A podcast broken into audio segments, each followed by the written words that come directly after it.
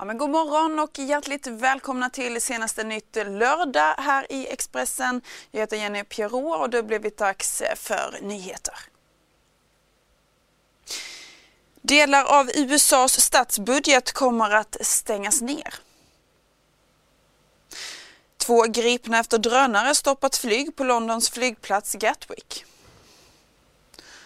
Och så gäller det att ta försiktigt när ni ska ut på vägarna idag. Vi håller er uppdaterade om jultrafiken. Ja, det är morgonens rubriker här i Expressen TV men vi ska ta och börja i Hallstahammar där en medelålders man har blivit utsatt för ett brutalt rån utanför Västerås alltså. Detta rapporterar P4 Västmanland. Mannen ska ha blivit överfallen av två män under fredagskvällen. De brottade ner honom på marken och tog stryptag om hans hals för att komma åt hans värdesaker. Så ska vi vidare utrikes och till USA där en ny amerikansk budgetkris, alltså årets tredje, är ett faktum. Trots intensiva förhandlingar i kongressen så har man inte lyckats rösta fram en ny statsbudget. Därför så kommer delar av USAs statsapparat att stängas ner vid midnatt lokal tid, alltså nu klockan sex på morgonen svensk tid. Bakgrunden till läget är oenigheter om finansieringen av Donald Trumps planerade mur mot Mexiko.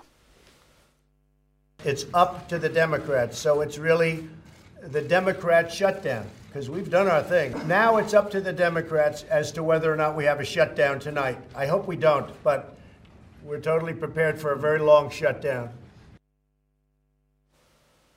Ja, presidenten skyller alltså nedstängningen på Demokraterna och kräver flera miljarder dollar till muren för att godkänna det förslag till statsbudget som alltså finns på bordet. Men i själva verket så har varken republikaner eller demokrater i kongressen velat gå med på detta, det rapporterar AP.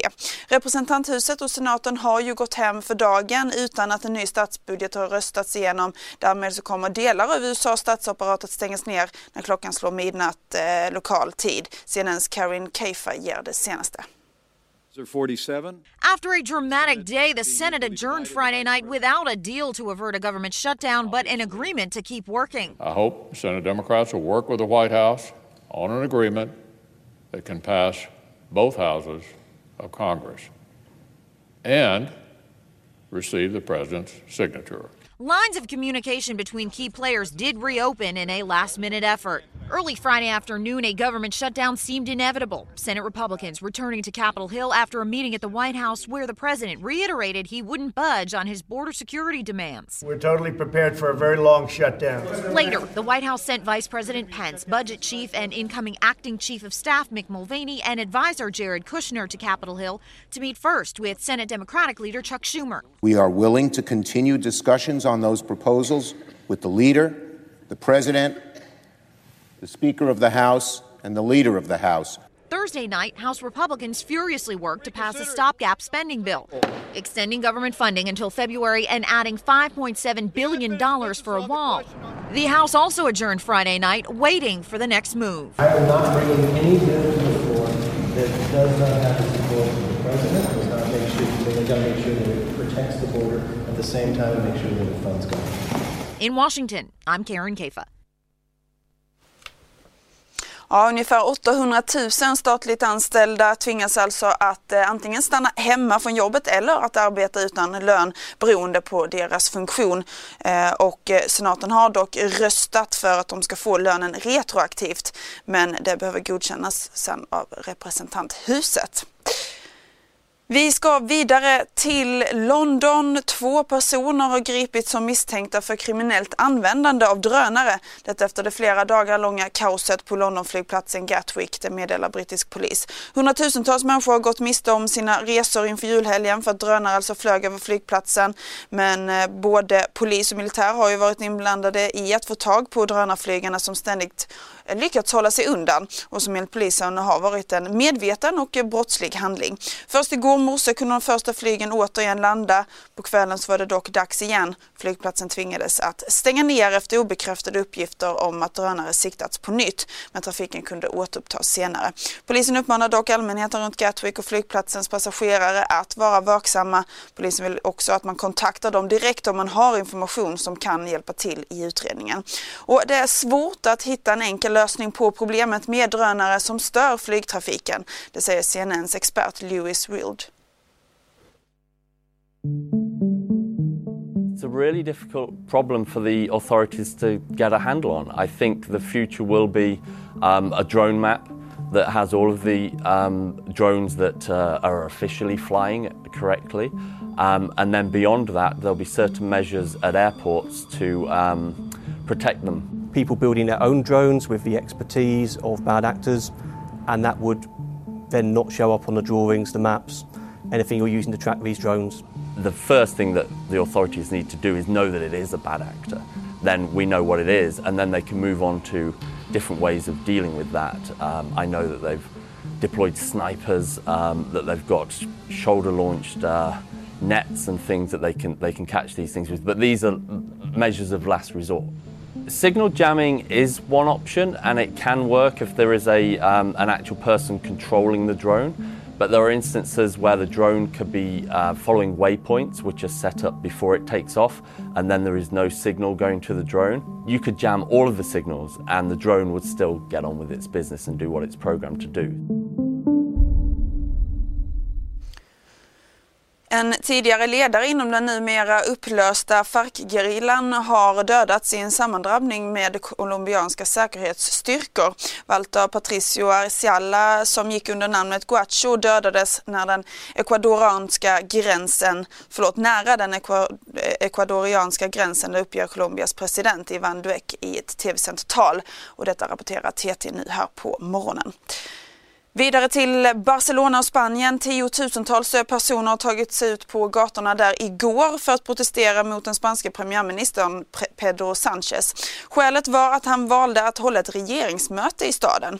Minst 60 personer har skadats och 13 har gripits i protesterna.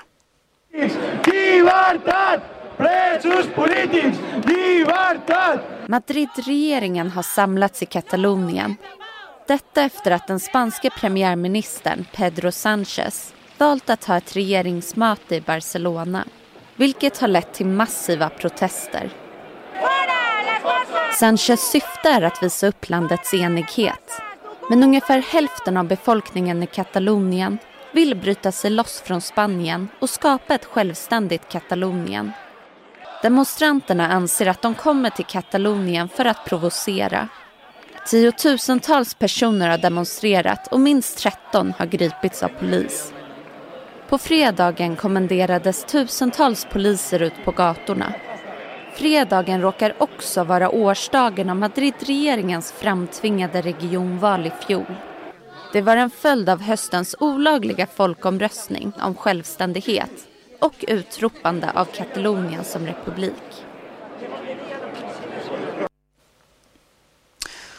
Och så ska vi säga att eh, Sveriges Radio Ekot rapporterar att skillnaden i stöd mellan de traditionella blocken i svensk politik har ökat under höstens turbulens kring regeringsbilden. Gapet, eh, eh bildningen. Gapet är nu 4,8 procentenheter till den rödgröna sidans fördel jämfört med 0,5 procentenheter i valet enligt sammanvägningen av opinionsmätningar som Kantar Sifo eh, som har gjort då till eh, kanalen. Och så ska vi vidare på jultrafiken här. Julen närmar ju sig med stormsteg och denna helg är ju olycksdrabbad. Om man ser till trafiken i snitt så omkommer 13 till 14 personer varje år enligt Transportstyrelsens statistik.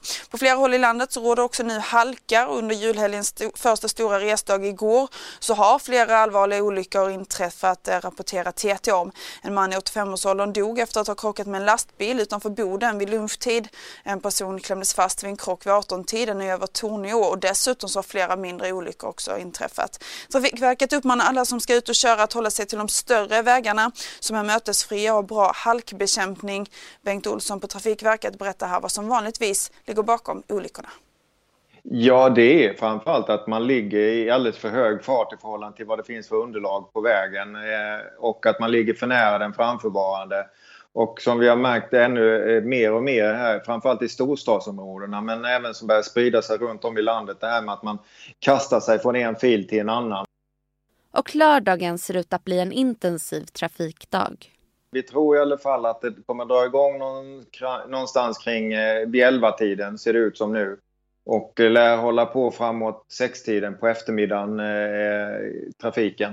Och den kommer bli ganska så intensiv då också, inte minst eh, för de ställena som byter till exempel på vinterstugor uppe i norr och så vidare. Så att eh, vägarna som går ifrån i stort sett Göteborg, eh, Mälardalen, Stockholm uppåt. Eh, där kommer det vara rätt mycket trafik på väg norrut till Dalafjällen, Härjedalen, Jämtland och så vidare. Ja, men vill man inte ta sig ut på vägarna så kan man ju alltid välja tåget. Det var en hel del resenärer på Stockholms centralstation igår och som fick en liten pratstund med vår reporter Elin Jönsson. Och det var många som hade hemlängtan över jul.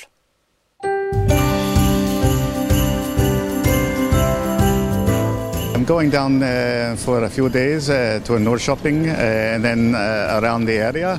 Uh, I've been uh, there maybe a few years ago and for now on Christmas time, and I really enjoyed it. So I left my my wife at home and I, because she needs to work, and I said I have a few days off. I'm going back to Sweden to to travel. Vi ska hem till Brunflo Östersund och fira julen där. Mina resplaner är att jag ska försöka ta mig hem till Karlstad. Mitt tåg går om 20 minuter och just nu känns det väldigt positivt. Jag reser varje vecka och, har gillat läget lite att det är förseningar. Alltså det är inget att hetsa upp sig lite utan jag planerar lite beroende på vad jag ska göra och när jag ska åka och så vidare så planerar jag in att det, att inte, att det kan komma förseningar. Så. Men jag hetsar inte upp mig. Jag reser för mycket. det brukar bli det så man är ju ganska van. van. Men jag tror att det ska gå bra. Uh, not really. I travel a lot for work, and so this week I've already was uh, delayed in the Netherlands, and so it is what it is. You can't uh, you can't worry about what you can't control. So if it's delay, you get a hotel somewhere, you sleep in the airport, you sleep at the train station. It happens. Ja, och så ska vi lite hoppa in på ett annat ämne här. För i natt eh, så kunde Jämtlandspolisen gripa tre män efter ett, ett rådigt ingripande av två plogbilschaufförer i eh, Krångede. Detta efter att en av chaufförerna upptäckt ett pågående inbrott på Krångede kraftverk vid Indalsälven natten till idag. Samtidigt som han larmade polis så skyfflade han och en kollega upp snö runt tjuvarnas bil. Och så går vi tillbaka till julen igen. För när man är trött på ensam hemma, tomten är far till alla barnen och ett päron till farsa fira jul, ja då längtar man ju extra mycket till nästa års eh, filmer. Här serverar vi tre filmer som vi ser extra fram emot 2019 med hjälp av filmkrönikör Maria Brander. It is my great honor to introduce this evening's renowned guest. The one, the only, Mary Poppins! Ja, det är något som kommer eh, här på, på juldagen redan och det är ju Mary Poppins kommer tillbaka som är en remake kan man säga på eh, Julie Andrews klassikern från 60-talet med Just a spoonful of sugar. Och bara det, det är ju liksom eh, kalanka på julaftonkänslan som man får där. Och det är också någonting som funkar bra för hela familjen för att de äldre kan se det för att det blir någon sorts nostalgi kring det. Och för de yngre så är det roligt och, och, och tecknat och, och sånger. Och det, det är också väldigt kul att de har så reproducerat den här gamla tecknade Disney-känslan. Som det ser ut lite som det gjorde på den tiden i bilderna. Så det känns som en så typisk julfilm. Sen om man ska gå någon helt annanstans så kanske inte riktigt lika glatt så är den här The Wife, eh, dramat som utspelar sig kring en eh, kris eller skandal kopplat till Nobelpriset i litteratur. Otroligt vältajmad film får man säga som är regisserad av svenska Björn Runge. Det är hans Hollywood-debut. Det är ju dels en otroligt bra film som bland annat spås bli Oscarsnominerad åtminstone för Glenn Close stora insats i huvudrollen. Men den har faktiskt också lite så här julstämning stämning för det är ju Stockholm och det är snö och det är ett helt bedårande Lucia-tåg, det här traditionella när de kommer in och ska uppvakta den förvånade eh, prismottagaren av eh, Nobelpriset i, i litteratur på morgonen. Så att det är en liten bonus kan man säga. Sen så finns det en, den tredje filmen då är faktiskt någonting som man kan se på Netflix. Och det är kanske lite ovanligt, det brukar man kanske mest eh, förknippa med filmer som inte är så bra många gånger.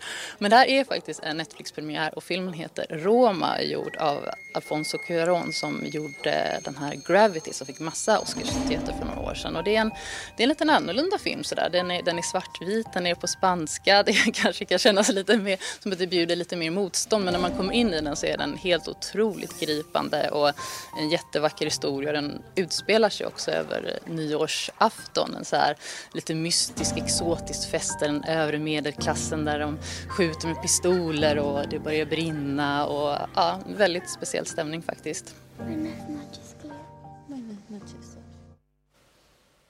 Ja, och med det så har det blivit eh, dags att eh, avrunda. Vi håller er uppdaterade med nyheter här i Expressen TV under hela julhelgen liksom alla andra dagar på året. Vi är glada att ni är med oss och tack för att ni är med oss.